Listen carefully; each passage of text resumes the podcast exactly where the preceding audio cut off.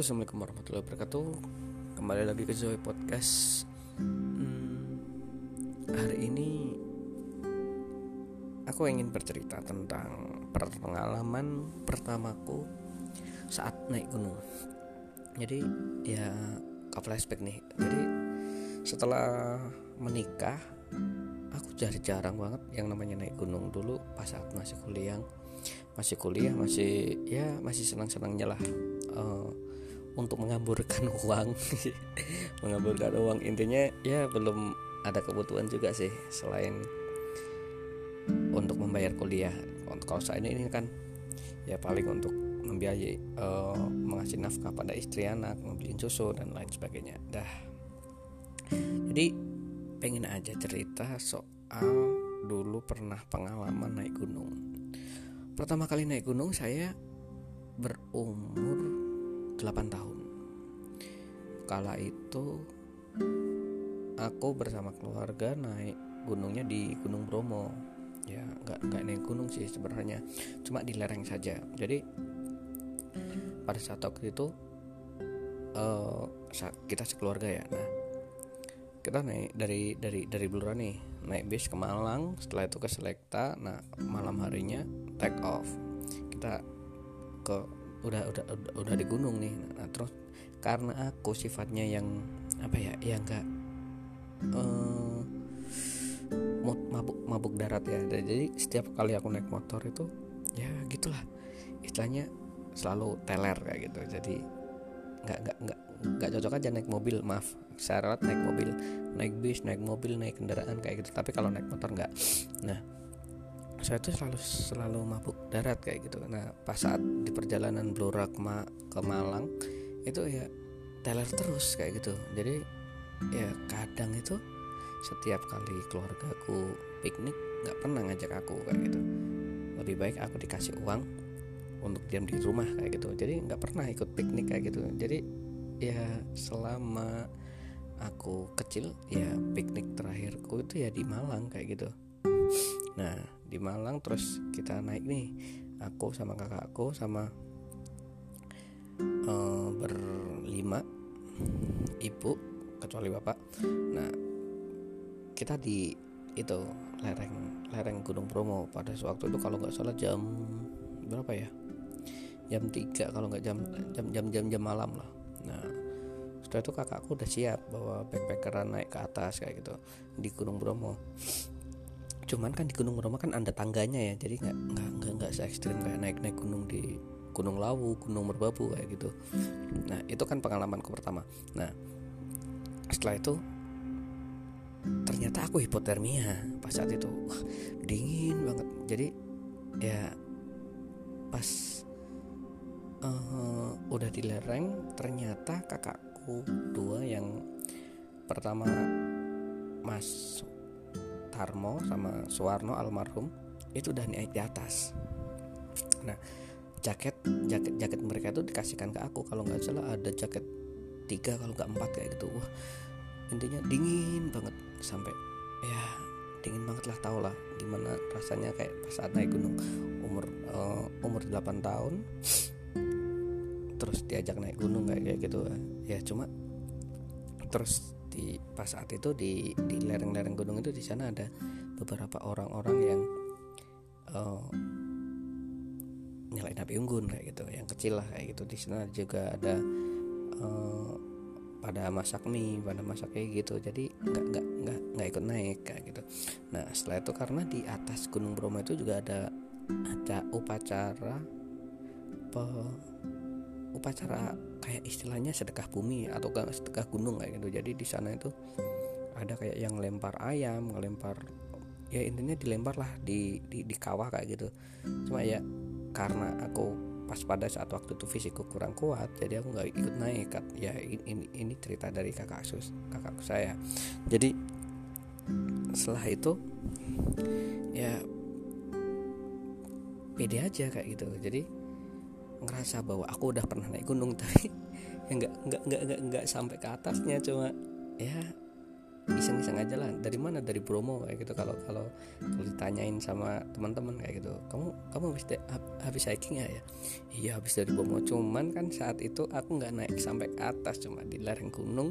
Setelah itu hipotermia terus tidur di tenda sampai pagi kayak gitu.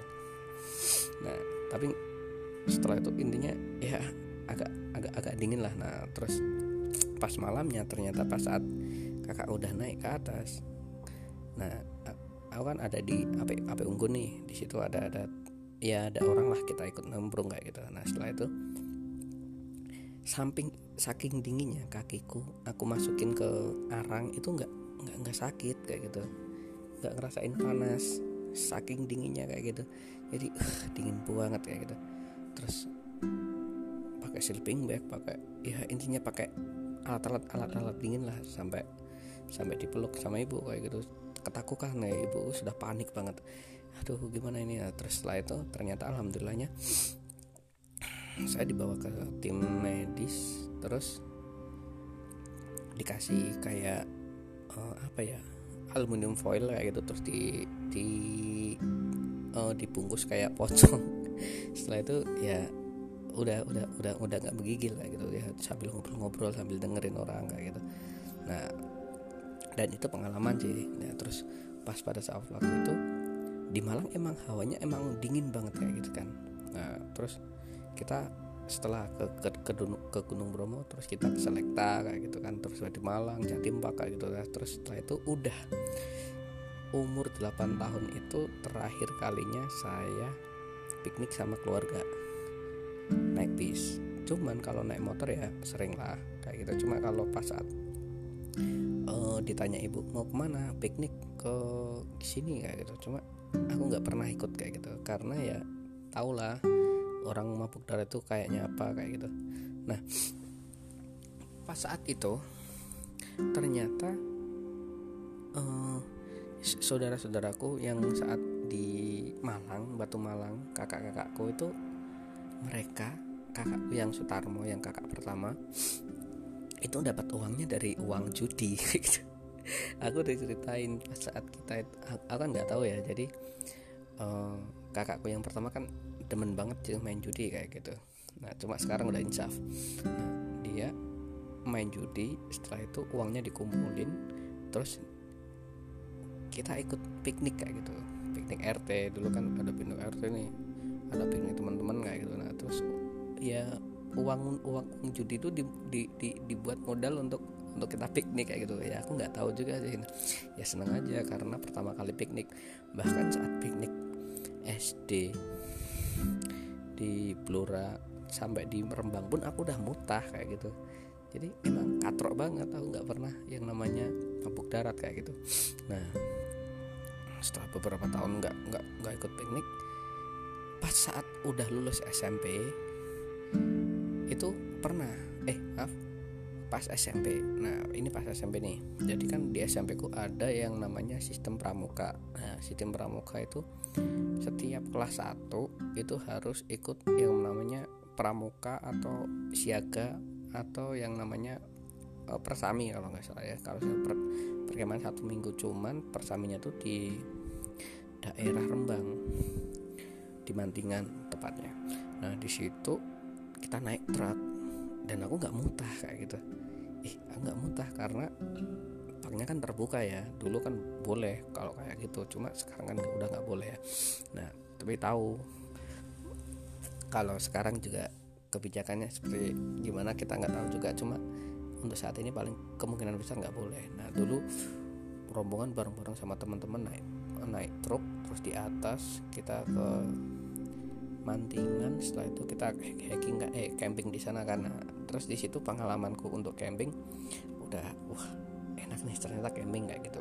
Dulu pas saat 8 tahun kan aku nggak pernah kepikiran camping itu kayak gini. Coba ya kita fun aja pas saat di itu di Jawa Timur dulu Jatim Pak dulu. Cuma kalau pas saat kita di uh, Mantingan aku di Mantingan ternyata adrenalinnya ter, terpacu kayak gitu. Kita harus buat tenda terus kita harus buat ya perbekalan cek makanan kayak gitu. Jadi ya kita harus survival gitulah. Nah setelah itu ternyata pas saat aku kuliah ya pas saat kuliah ternyata diajak sama teman-teman kantor kayak gitu. Nah diajak teman-teman kantor untuk hiking. Nah dulu pernah nih. Nah terus kita ngobrol-ngobrol kayak gitu sama teman-teman kantor lah. Yuk hiking yuk kayak gitu. Ferry ngajak gitu. Nah terus hiking ke mana? Ke gunung dekat-dekat sini aja gunung gunung Ungaran kayak gitu. Nah karena Ungaran kan dekat ya kerjaku pas saat itu di di Semarang sama kuliah di Semarang. Nah terus si si, si Ferry dan teman-temanku tanya udah pengalaman udah pernah pengalaman naik gunung nggak? No.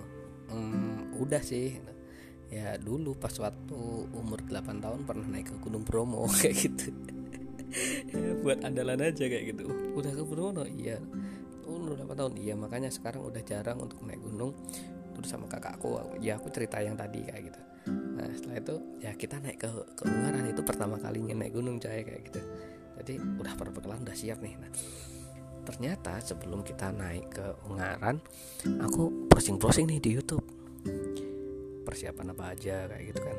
Nah terus bawa apa bawa apa bawa apa. Nah ternyata ada pas saat aku lihat di YouTube di situ ada yang meninggal coy. Jadi adrenalku aduh down banget. Meninggalnya karena hipotermia. Sedangkan dulu aku pas saat di Bromo itu juga pernah merasakan hipotermia. Aku takut banget. Ya Allah apakah ini hari nah setelah itu kita berangkat nih. Perbelakan udah siap center dan lain sebagainya sleeping bag ada tendanya dua yang ikut itu eh tendanya tiga yang ikut orang sembilan kayak gitu kan. Jadi satu tenda tiga orang. Ada yang bawa gitar juga ya katro katro batin ya itu pertama kali pengalaman sih naik gunung. Nah setelah itu kita berangkat nih naik gunung. Nah sesampainya di sana kita kan oh, pendaftaran di pos mawar nih. Di pos mawar kita lewatnya Ungaran Nah setelah itu kita naik. Ternyata hujan. Hujan terus banget. Nah setelah itu ya teman-teman pada kecewa juga sih kan kayak gitu. Nah kita uh, berteduh di di di perumahan atau di pos 1 di situ ya kita bakar-bakar di sini. Terus ada yang cewek-cewek ayo kok hujannya nggak terang-terang? Intinya mereka pada ya agak kecewa gitu kan. Nah setelah itu temanku yang aku ngajak ngajak ngajak temanku ngajak pulang aja ya udah pulang aja lah. Sampai sini pun juga nggak apa-apa atau kita ngecamp di sini aja kayak gitu. Ya aku lihat teman-temanku agak kecewa juga karena ini pertama kali kita naik gunung kan kan kayak gitu. Nah setelah itu setelah kita naik gunung eh di promosan ternyata alhamdulillah hujannya udah terang kata gitu kan. Terus sambil kita nunggu kita juga bakar-bakar kayak misal masak mie masak energen ya minum-minum kayak gitulah. Sambil me, biar biar tubuhnya agak kuat kan gitu. Nah setelah itu kita berangkat. Kita berangkat. Jalan-jalan kaki kan kan bawa pasangan cewek-cewek nih. Mereka ada yang ada yang bawa gebetannya kayak gitu. Nah setelah itu ya tau lah setiap kali kita naik gunung kalau ngajak cewek kan biar kita kelihatan kuat kayak gitu. Nah setelah itu dulu aku juga pernah pas saat itu ngajak si si Yuyung sama si Yoga. Jadi si Yuyung si Yoga sama si uh, siapa yang satunya ya?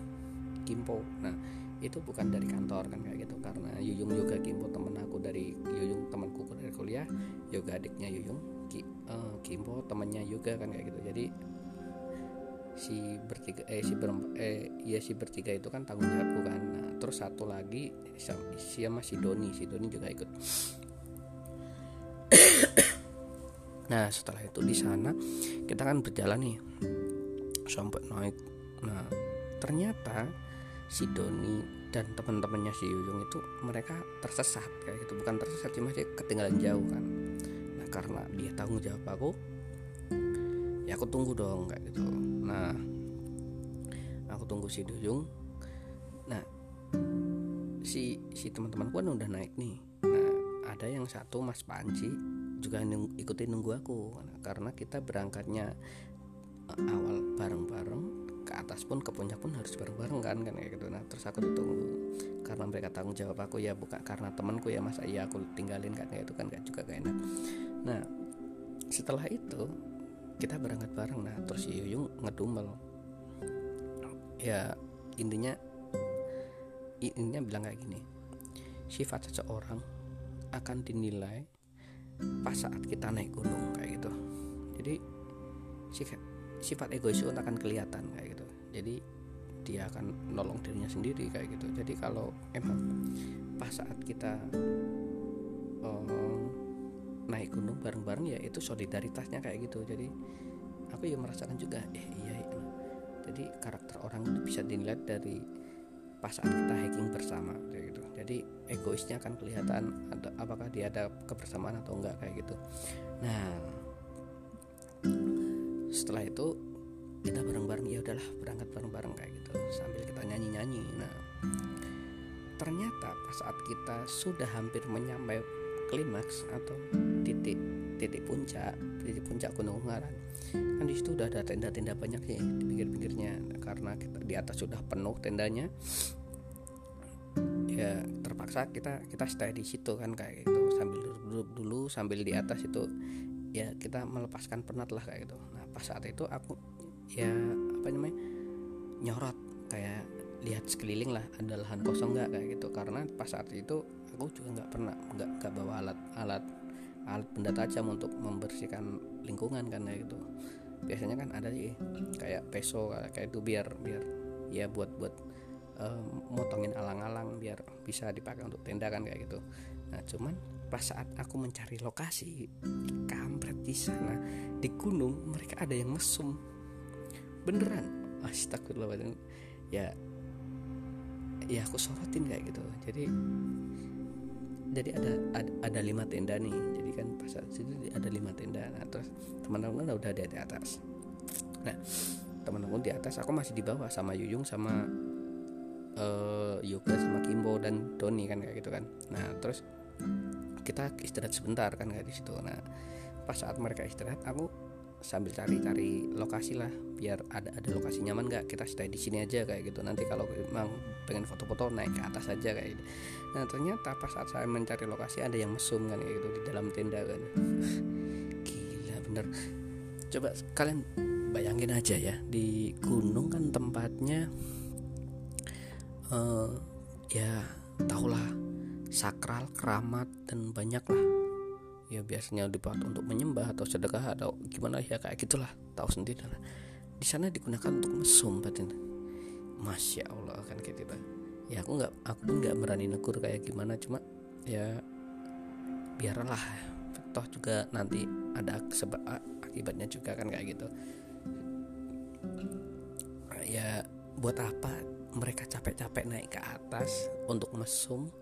Ya mending mendingan nyewa nyewa nyewa nyewa, hotel di daerah bawah. Dia mesum kan juga enak kan.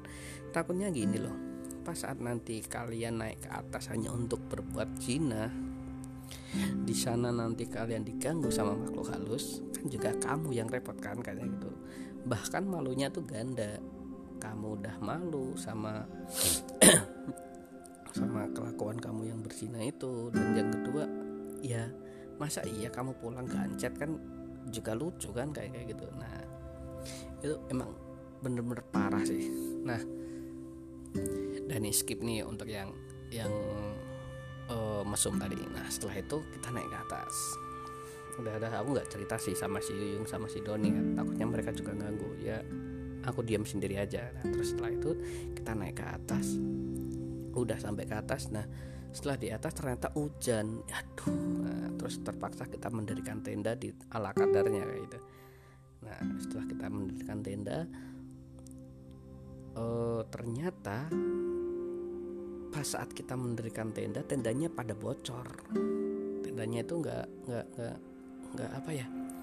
Nggak kompatibel lah. Nah terus Doni belikan uh, punya tenda baru. Nah jadi orang bersembilan tuh di tendanya Doni semua aduh. Ya jadi si nggak enak juga sama si Doni sih kan kayak gitu. Nah terus pada ya nggak ada yang tidur jadi di atas itu pada ya satu tenda diisi orang sembilan kan tahu ya tenda isi tiga tapi diisi sama orang sembilan sempitnya kayak gimana kan gitu. Karena hujan kan gitu.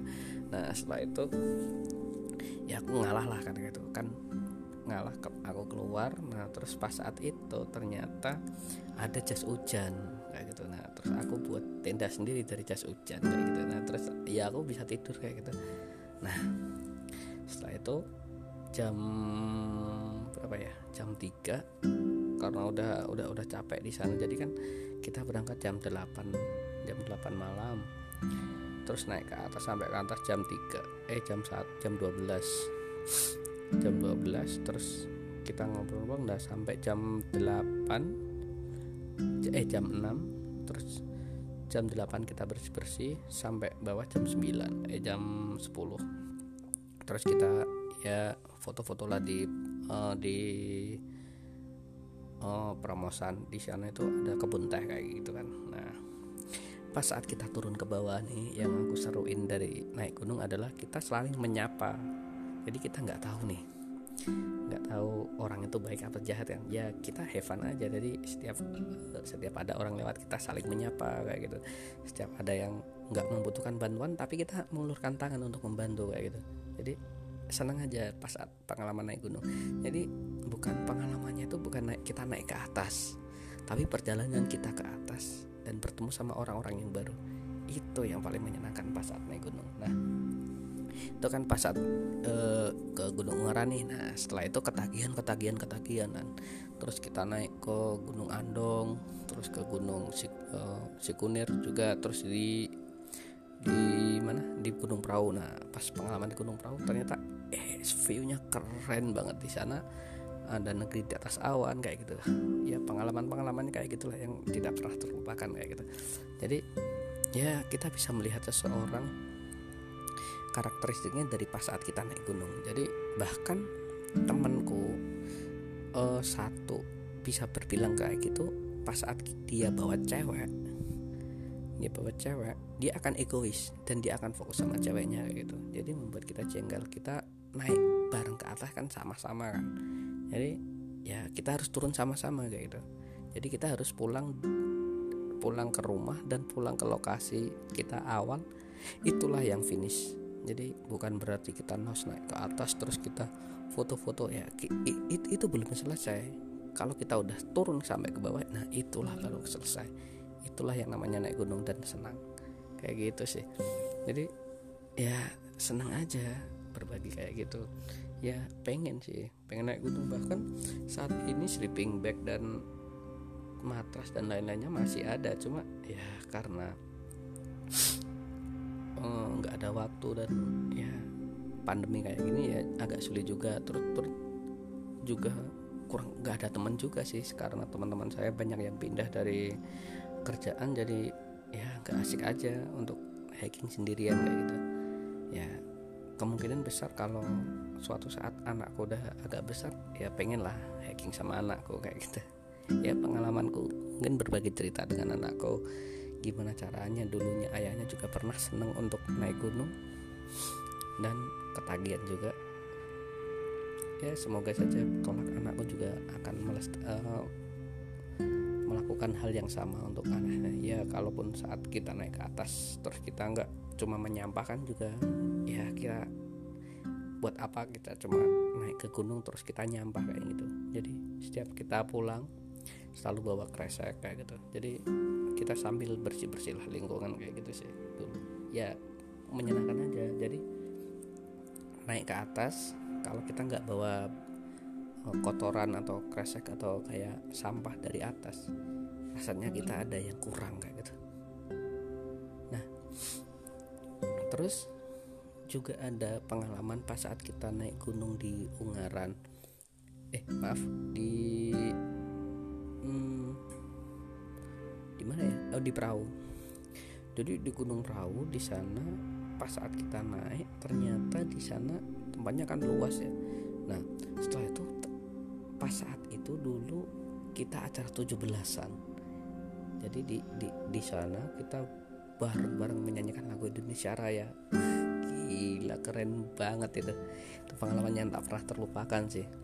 Jadi bareng-bareng bareng di sana terus kita menyanyikan lagu Indonesia Raya. Merinding coy. Jadi ya pengen lah kayak gitu suatu saat kemungkinan ya kalau emang pandemi ini udah udah benar-benar selesai sekali dua kali lah ingin naik bareng-bareng teman-teman kayak gitu sih. Ya mungkin cukup sekian podcast saya. Ya kapan-kapan kita naik gunung bareng tolong aku diajak kayak gitu karena kangen banget ingin naik gunung. Ya, terima kasih telah mendengarkan. See you and cheers